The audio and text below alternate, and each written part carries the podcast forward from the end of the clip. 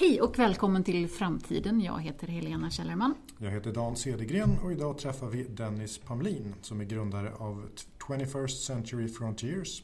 Han är Senior Associate with Chinese, uh, Chinese Academy of Social Science, Director uh, vid Low Carbon Leaders Transformative Solutions och har tidigare varit rådgivare till Världsnaturfonden. Det låter väldigt uh, spännande. Du har många roller och många internationella roller vad, vad, är det som, vad är det som driver dig och, och vem, eh, vad är det du tillför i, i alla dessa sammanhang? Ja, en bra fråga. Det, det låter ju lätt eh, kanske förvirrat eller spännande beroende på vilket perspektiv man kommer ifrån. Men jag har valt att eh, försöka välja plattform utifrån vad jag ska leverera. Så mitt fokus har inte varit att försöka förändra de organisationerna som jag jobbar i utan att se vilken plattform är just för tillfället den som jag tror kan göra mest nytta. Och det har gjort att jag aldrig har valt att jobba på en plattform och också flyttat mig ganska mycket eh, från olika plattformar beroende på vad jag ser att det händer mycket. Eh, jag kom precis från ett möte med aktuarierna i Storbritannien som är de som beräknar världens risker en grupp som många inte ens vet finns men som är, har ett jättestort inflytande över hur världsekonomin faktiskt ser ut. Och det är liksom en, en av de senaste grupperna då som jag jobbar med. Mm. Så vi välkomna. Nej, så vi, välkomna. vi sticker in ett välkomna nu. Jättebra. Eh, vi ska Vad prata coolt. mycket internationella frågor och, och vad det är som eh, vilka knutarna är och, och vilka de möjliga vägarna framåt är. Mm. Med ett fokus på hållbarhet idag. Eh, vi har lite korta, korta frågor för att få en bild av dig som person. Mm. Först. Just det, vi börjar internationellt då, men med mat. Pekinganka i Beijing eller pasta pesto i La Spezia? Ja, om jag får välja tofuankan så tar jag den kinesiska. Mm. Mm. Det får man nog. Om du ska lyssna på musik, lyssnar du helst på Tove Lo eller Loa Falkman? Oj, oj, oj. Det är inget. Ingen av dem? Nej. Nej. Vad lyssnar du på då? Ehm, jag tycker mycket om klassisk musik. Eh, och både den eh, europeiska klassiska musiken, eh, läser just nu Castle Made in Heaven om Bach då, och, men också väldigt fascinerad av den kinesiska klassiska musiken. Mm. Deras instrumentkultur och så vidare. Spännande, vi fick nytt svar där. Snorkla på Stora barriärrevet eller simma Vansbrosimmet? Åh, oh, um, det ena har jag gjort, det andra kanske jag borde göra. Vilket har du gjort utav dem? Snorklat. Snorklat ja. Ja, eh, men idag, dagsläget, så gäller det att söka skönheten i det nära också. För klimathållbarheten på att ta sig iväg till andra sidan jordklotet bara för en stunds njutning är inte alltid det bästa. Så det får jag nog passa lite grann på också. För jag börja inse att det, den här nyttiga Vansbrosimningen kanske man skulle satsa lite på. Okay. Uh, eh, om vi vänder oss till huvudfrågan då, hållbarhetsutmaningarna, klimatutmaningarna vi står inför. Eh, vad ser du för möjliga vägar framåt eh, i det här? Vi står inför ett internationellt stort klimatmöte. Eh, är det lösningen eller vad, vad ser du för, för vägar framåt för att hantera våra klimatutmaningar? Ja, mycket handlar om ett tidsper alltså tidsperspektivsförändring och en, en mental förändring. Ja, men vi pratar ofta om utmaningar och det blir lätt negativt. Alltså det blir någonting svårt och jobbigt. Jag, jag försöker säga att varför pratar vi inte om klimatmöjligheten hela tiden? Eller framtidsmöjligheterna. Eh, och det kanske är lite typiskt svenskt också att vi, vi har, vårt språk landar lätt i det lite negativa kring de här frågorna. Och de vi lyfter fram som relevant inom området är ofta de som pekar på problemen. Eh, om vi tittar liksom på de som rankas ofta som viktigast inom miljöfrågorna i Sverige så är det 70-talets perspektiv. Det vill säga de som pekar på vilka problemen är. Inte alls egentligen oväsentligt, men den frågan är egentligen, om vi säger beslutsmässigt perspektiv, förbi. Det är inte så som man idag behöver övertala en, en VD eller en eh, börsmäklare om att klimatfrågan är viktigt. Eller Alla vet redan Alla att vet det, redan finns, detta. det finns redan. Mm. på samma sätt så har vi också passerat lite grann vilka är det som är problemen? Alltså att mm. skrika att de där är dumma, de där släpper ut mycket saker. Det vet vi också. Utan frågan är ju egentligen den roligaste. Vilka har lösningarna? Vilka är... Jag brukar säga att det är som en teater i tre akter. Först så är det brottet. Ja, det har vi diskuterat att det faktiskt finns. Sen kommer brottslingen, vem var det som vi ska jaga? Och sen kommer ju slutet, hjälten.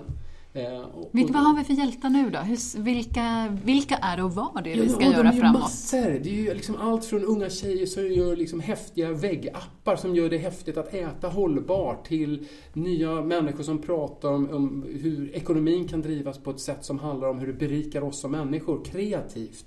Inte att, och, och alla människor brukar jag säga som inte fokuserar på att minska saker. Det är klart vi ska minska utsläppen, Mm. men istället för att minska köttätandet ska vi öka det glada ätandet som är nyttigt. Och istället för att minska flyga, flygandet ska vi ha mer smarta möten som är virtuella. Eh, och, och den så här, perspektivskiftet är det som jag söker ofta. Eh, och det, det som jag tycker är fantastiskt intressant är att man ofta hamnar i situationer där folk inte alls förväntar sig att man ska vara. Jag får ofta frågan nu, varför jobbar du med dem? De är väl de mest konservativa, tröga och gammelmodiga. Och min erfarenhet är här nu de senaste tio åren, är, där händer det som mest. Och det spelar ingen roll om det är... Vil- Vilka är det då? Vilka är de trögaste, mest gammalmodiga? Ja, men som folk tror. Så, jag menar, jag, I Sverige brukar jag säga som Kommerskollegium. Eh, eh, äldsta myndigheten i Sverige, liksom förvaltade kungens pengar och så vidare. Folk säger men det är väl bara en massa jurister och liksom jättetrögt. De var, då vi, eh, Anders Wikman som, som jobbar mycket med hållbarhetsfrågor, han fick ju uppdraget att titta på eh, offentlig upphandling. Och då bad han mig att titta lite grann på just transformativa lösningar. Vad kan det verkligen hända roliga saker? Inte att minska det dåliga, utan öka det positiva. Och då tittar vi runt. Och ingen nämnd, ingen glömd, men de myndigheter och de aktörer som man då trodde kanske skulle titta på de här sakerna, de tyckte att det där var liksom för ambitiöst och svårt. Låt oss titta på hur vi liksom skruvar på miljömärkningen, låt oss titta lite grann på hur vi kanske ska öka skatten några procent. Men, men där sa de, ja men vänta nu, om utmaningen är så stor, om vi ska liksom börja ställa, men det är klart att vi inte bara ska köpa in produkter. Vi kanske ska köpa in tjänster också. Jaha, så alla de här sakerna som vi gör på rutiner då? Och nu tittar de på mobilitet. Jag har liksom varit på hur många av de här hållbarhetskonferenserna som helst nu tills jag inte blev utsparkad. För jag sa det, varför inte Niklas Sandström här? Varför pratar vi bara om hur vi gör saker lite mindre dåligt? Varför pratar vi inte om de helt nya spännande möjligheterna som finns? Inte bara, men om vi inte har det paketet, då, då springer vi fel. För då blir det bara marginella förbättringar. Och, och där är jag liksom, jag tycker Google har hamnat helt rätt. Om man inte börjar med frågan, hur gör vi saker tusen gånger bättre? Då hamnar vi fel. Inte för att vi alltid kommer hela vägen, utan för att då blåser vi hjärnan upp, öppen. Liksom så där. Då börjar vi på nytt. liksom. Precis, då börjar man tänka så här, men det handlar inte bara om att vi ska beställa ett lite bättre flygplan eller att vi ska liksom köpa miljöbättre bil, utan hur möts vi bättre? Hur, Man kanske hur- kommer till grundfrågan, tänker jag. Ja. Att det är inte bara att vi flyger mer, utan, att fly, utan det är transport. Hur transporterar vi oss? Exakt. Varför transporterar vi oss? Måste vi göra det? Vad är Okej, nyttan med det? Vad är syftet? Och det, Ja. det är som den första principen som Elon Musk då pratar om. Man går tillbaka liksom, verkligen till Varför? grunden och säger Varför, varför, varför, varför, varför? varför. Eh, och det är därför jag brukar säga att, lite provokativt då, att vad är de största problemen, säger folk då? Jag brukar säga miljömärkningen, miljöskatter och miljöranking. Varför? Inte nödvändigtvis för att de i sig är dåliga, men som de är utformade idag så är det så att miljömärkning, går du till riksdagen idag, då får du miljömärkt kött och bredvid står en vegetarisk rätt som inte är miljömärkt. Fast vi vet från ett 9 miljarders perspektiv, det vill säga så att alla människor ska ha det bra, så är det den rätten, den vegetariska, som är mycket närmare det vi ska till. Så man driver saker och ting fel. Man driver på Var marginalen. du, jag måste bara gå tillbaka lite. Nu ska, vi ska ju prata framtid, men jag blir jättenyfiken om man går några år tillbaka. Var du en sån här sexåring som frågade varför, varför, varför hela tiden? Det- Jag tror det. Eller har det liksom kommit med årens lopp? Nej, men jag, jag har alltid, sen har det nog varit ganska oriktad. Jag, jag var en sån här som fick eh, visarna och mätarna liksom på snackbarometern högst upp. Jag hade nog lite svårt att behärska mig. Eh, och under en tid så tyckte jag att, det var liksom, att samhället var dåligt som inte accepterade det. Med åldern har jag förstått att ja, jag kan förstöra för väldigt många andra i så fall. Hur handskas man med det? Men jag har nog haft det delvis i mig, att vilja fråga och få svar på saker och ting. Och vad kom den här, hur, hur, hur hamnade ditt fokus och din kraft och varför-frågorna mot just miljö och klimat och globalitet och annat? Och, och det är ju sådana saker som jag, jag har ingen aning. Jag, menar, jag, jag kände, jag brukar ibland säga att det var då jag jobbade på ett känt stort företag som designade extremt dyra stereoapparat som jag jobbade åt och frågade min chef då vad, vad är din dröm? Han pratade om art deco-högtalare i, i badrummet. Jag sa, men din dröm? Ja, men det är ändå kanske ett större hus. Men, men din dröm? Och så, ja, men, och så kände jag, det här räcker väl inte? Det, ska jag leva? Och liksom, då jag, då jag ska titta tillbaka på mitt liv, då sitter jag på ett par art deco-högtalare hög, i, i badrummet. Eh, och sen så åkte jag ut och reste och då brukar jag ibland säga att jag var ute i Nairobi Tower och såg de här eh, lastbilarna som skyfflade ut soporna i ringar runt staden. Och det brann där. Då, ibland brukar jag säga att det där kanske, men jag tror det är, det är lite sådär man försöker hitta saker och ting. Utan det, en del av mig tror nog bara att jag ville söka den största och häftigaste utmaningen som gjorde det riktigt meningsfullt att leva. Vad har du hittat den då?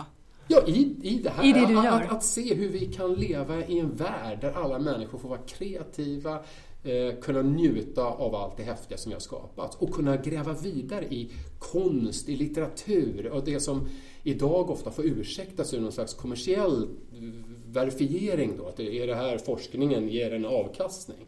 Men att söka livets gåtor, att förstå var universum slutar, jag menar, om vi tappar det, vad har vi då kvar? Och det är någonting som jag tycker också försvinner ibland i den svenska hållbarhetsdebatten. Den blir väldigt teknisk. Mm. Men om man pratar, nu vill inte du prata utmaningar, som vi pratar mm. möjligheter istället. Då. Liksom, var ser du de största möjligheterna i de internationella sammanhang som du eh, verkar i när det gäller klimatfrågan? Är möjligheterna inom teknikutveckling eller är det politiska möjligheter eller ekonomiska möjligheter? Och, nu säger jag möjligheter istället för mm. utmaningar. Mm. ja, och, och det är ju det, det är ju en liten språk... Det är samma sak vi säger fast man använder lite olika ord. och Man kanske kommer lite olika leenden in i frågan. Eh, jag brukar säga att det går inte att säga. För att vårt språk är bundet av den gamla logiken och sättet vi formulerar Så att eh, vilken grupp, om man frågar vilken grupp är viktig, då brukar jag säga det är ingen grupp. Det är kluster. Det är nya konstellationer som kommer till. Det är lite som att vi skulle vara tillbaka på jordbrukssamhället och säga, är det hattarna eller mössorna som kommer vara mest viktiga för transformationen in till industrisamhället? Det är enskilda aktörer, nya grupper, eh, två aktörer från respektive grupp som kommer samman och ser samma världsbild. Och, och det här gör det så svårt att kommunicera. För det blir så att, jag menar, jag jobbar med handelsfrågorna, WTO och så vidare. Är handel bra eller dåligt? Vilken urbota dum fråga. Det är lite som, ska vi ha tillväxt eller inte? För, förstår du vad du säger? Ska vi ha mer eller inte? Det beror väl på av vad. Mm. Och, och, många av de här sakerna som vi haft, och det är klart att vi hade ett extremt bristsamhälle för ett par hundra år sedan. Då var det generellt mer av allt bra. Så då har vi en approximation kvar. Och så förändras det. Och då blir det lätt en polarisering, så ska vi ha mer eller mindre av den här tillväxten istället för att säga Ja, som jag, jag är också ändå lite provokativ brukar säga då, att jag är emot tillväxt. Jag är för exponentiell tillväxt. För mycket av det som vi behöver måste, det ska inte bara växa, det måste explodera fram idag. På grund av att det är så bråttom att få mycket av det här på plats. Eh, klimatfrågan är ju en av de tydligaste, men vi har mycket annat som vi inte diskuterar lika mycket som totala kollapser av ekosystem, snabb teknikutveckling då vi måste få eh, tidiga varningssystem, early warning system på plats och så vidare. Vilken, om vi stannar där, teknikutveckling, mm. early warnings, om vad? Hur? Ja, på vilket eh, sätt? Allt från eh, alltså, syntetisk biologi, eh, nanoteknik, mm. det, det, är artificiell intelligens som diskuteras här. Mm. Du sitter ju här framför med en, en, rapport som jag skrev ganska nyligen då, med, tillsammans med en forskare på Oxford University. Då, mm. Om vilka de sakerna som faktiskt hotar mänskligheten. På tal om att jag då ska vara positiv så blir folk ibland, ja men vänta vad skriver du här då? Ja men att vara positiv innebär inte att blunda. Och det är också någonting av det som jag kommer ibland att bita mig i fingret och tungan och kinden att folk säger, men, men vänta här nu, du ska ju vara positiv. Ja, men det innebär inte att man blundar för det som är sanningen. Man behöver inte vara naiv. Nej, och det har jag sett. Liksom, och jag har bråkat med ett antal journalister ibland och de säger, ja men nu är du negativ.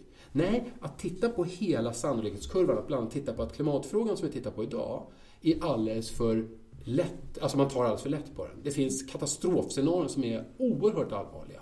Men optimismen kommer att säga att vi kan göra detta. Vi kan minska mycket snabbare än vad vi tror. Och du skulle få välja... att man blundar för de allvarliga ja. Att vi kan, absolut. Men, men är världens eh, medborgare beredda att göra de uppoffringar som krävs. Vi tittar på USAs bilberoende, vi tittar på utvecklingen som nu sker i Kina, Indien eh, som, som man inte vill, vill stoppa. Det, som, det finns en massa krafter som, som eh, inte är onda men som, som går åt ett annat håll. Absolut. Jag tror det är två frågor här. Det ena är vilka, vad är uppoffring? Att jobba på en padda sittande i en park istället för att åka in till jobbet varje dag, är det en uppoffring? För de flesta är det ett nytt, modernt, smart sätt att jobba. Problemet är inte tekniken, det är mellanchefer och andra som då sitter och håller tillbaks. Många av de som jag jobbar med på hållbarhet sitter liksom och småskäms lite grann. De pratar om alla möjligheterna och sen så vet man i vardagen så funkar det inte riktigt så. Så att mycket av det här, så, så, alltså om vi tittar på, ett, som jag kallar för ett 9 miljarders liv då för att vi kan, grönt och hållbart blir ofta marginellt, men Säger man 9 miljarder så förstår man att det här ska funka för 9 miljarder människor, så många som vi kommer vara med då. Eh, då är det lätt att göra det. Alltså, tekniskt, ekonomiskt så är det inget problem, utan det är institutionellt och möjligen de här bilderna då. Eh, sen är det ju, den andra delen är att det är några som kommer att lida mycket av det. Några som har investerat mycket i gammal teknik, gammalt tänkande och som inte riktigt vill förändra sig. Och det kommer vara smärtsamt. Så å ena sidan tror jag att det är mycket enklare för att de flesta människor, om de ser vad det här faktiskt innebär och inte kvar det här 70-talsperspektivet att ja, prata om en annan livsstil. Det var bland annat därför jag flyttade från miljösvängen. För att då jag sa en ny livsstil och så satt jag liksom med, med hatten från en miljöorganisation. Då lutades folk tillbaka och tänkte att nu handlar det om att, att, att gå tillbaka till skogen. Då jag jobbade med världens största IT-företag och sa Ska vi prata om liksom vilka nya livsstilar som finns? Åh, ja men det vill vi ju prata om. Det här finns ju massor med häftiga saker i.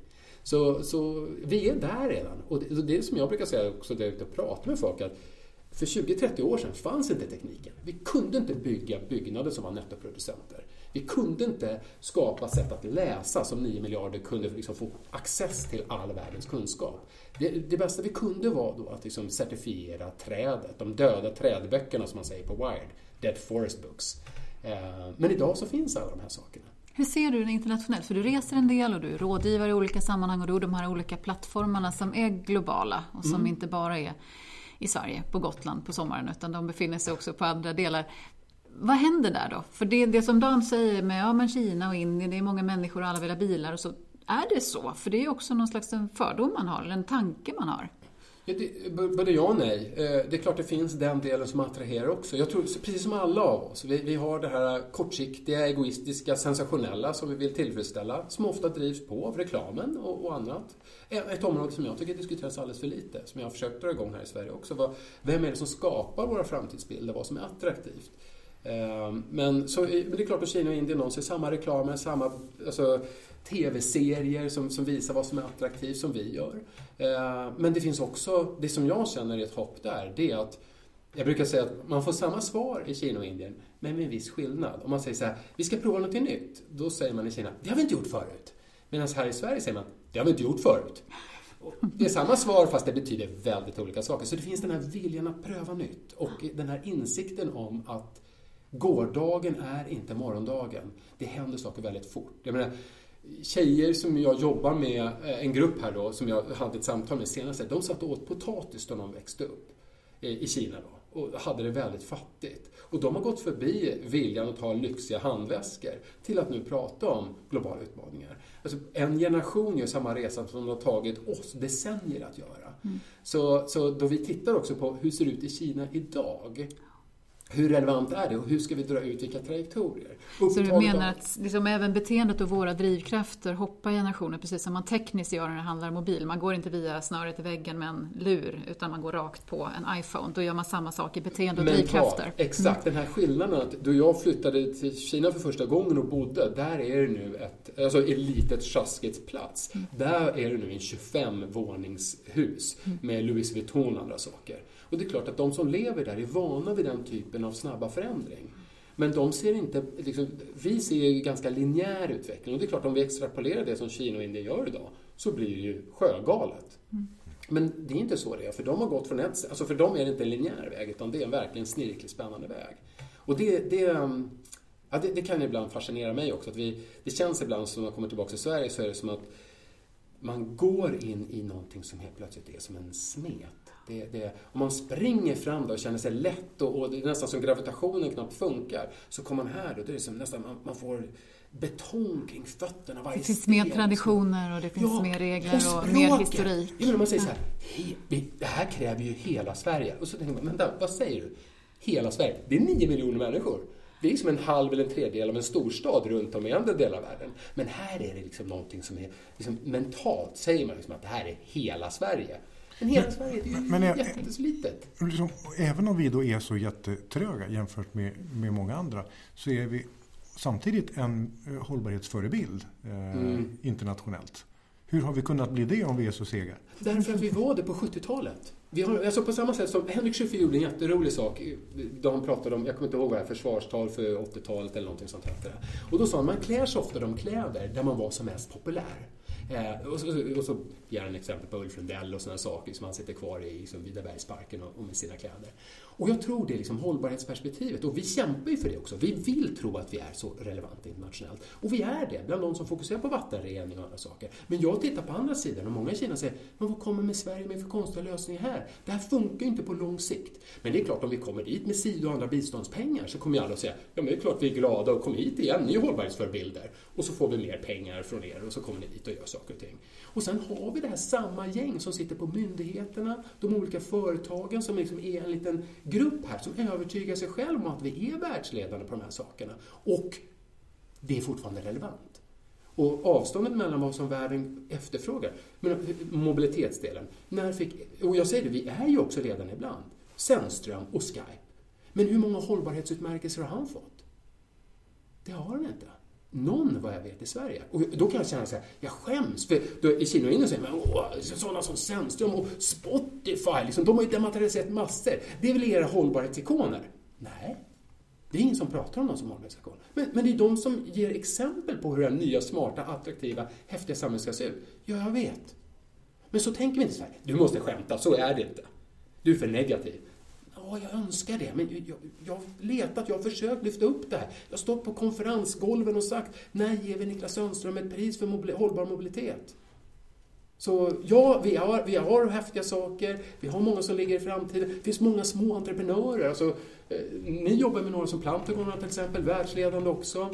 Men de får inte speciellt mycket uppmärksamhet i Sverige på det sättet. Alltså, de tittar i mainstream-media du har andra figurer som jobbar med LED-lampor och fiberkablar som kommer in, alltså från tekniska lösningar, till apputvecklare. Så vi har saker och ting. Så på det sättet, det är därför jag ändå kommer tillbaka och vill jobba här, för att jag tror att vi är så nära att kunna få det här eh, flippen över. Men det behövs en liten kris någonstans tror jag, i Sverige. Vad tror du om man drar ut eh, tiden framåt, 2050? Hur, hur, hur ser världen ut? Ingen Vad gör vi för aning. Eh, och, och jag, jag, ibland brukar jag säga att jag tror det är farligt också att tänka för mycket på hur det ska se ut.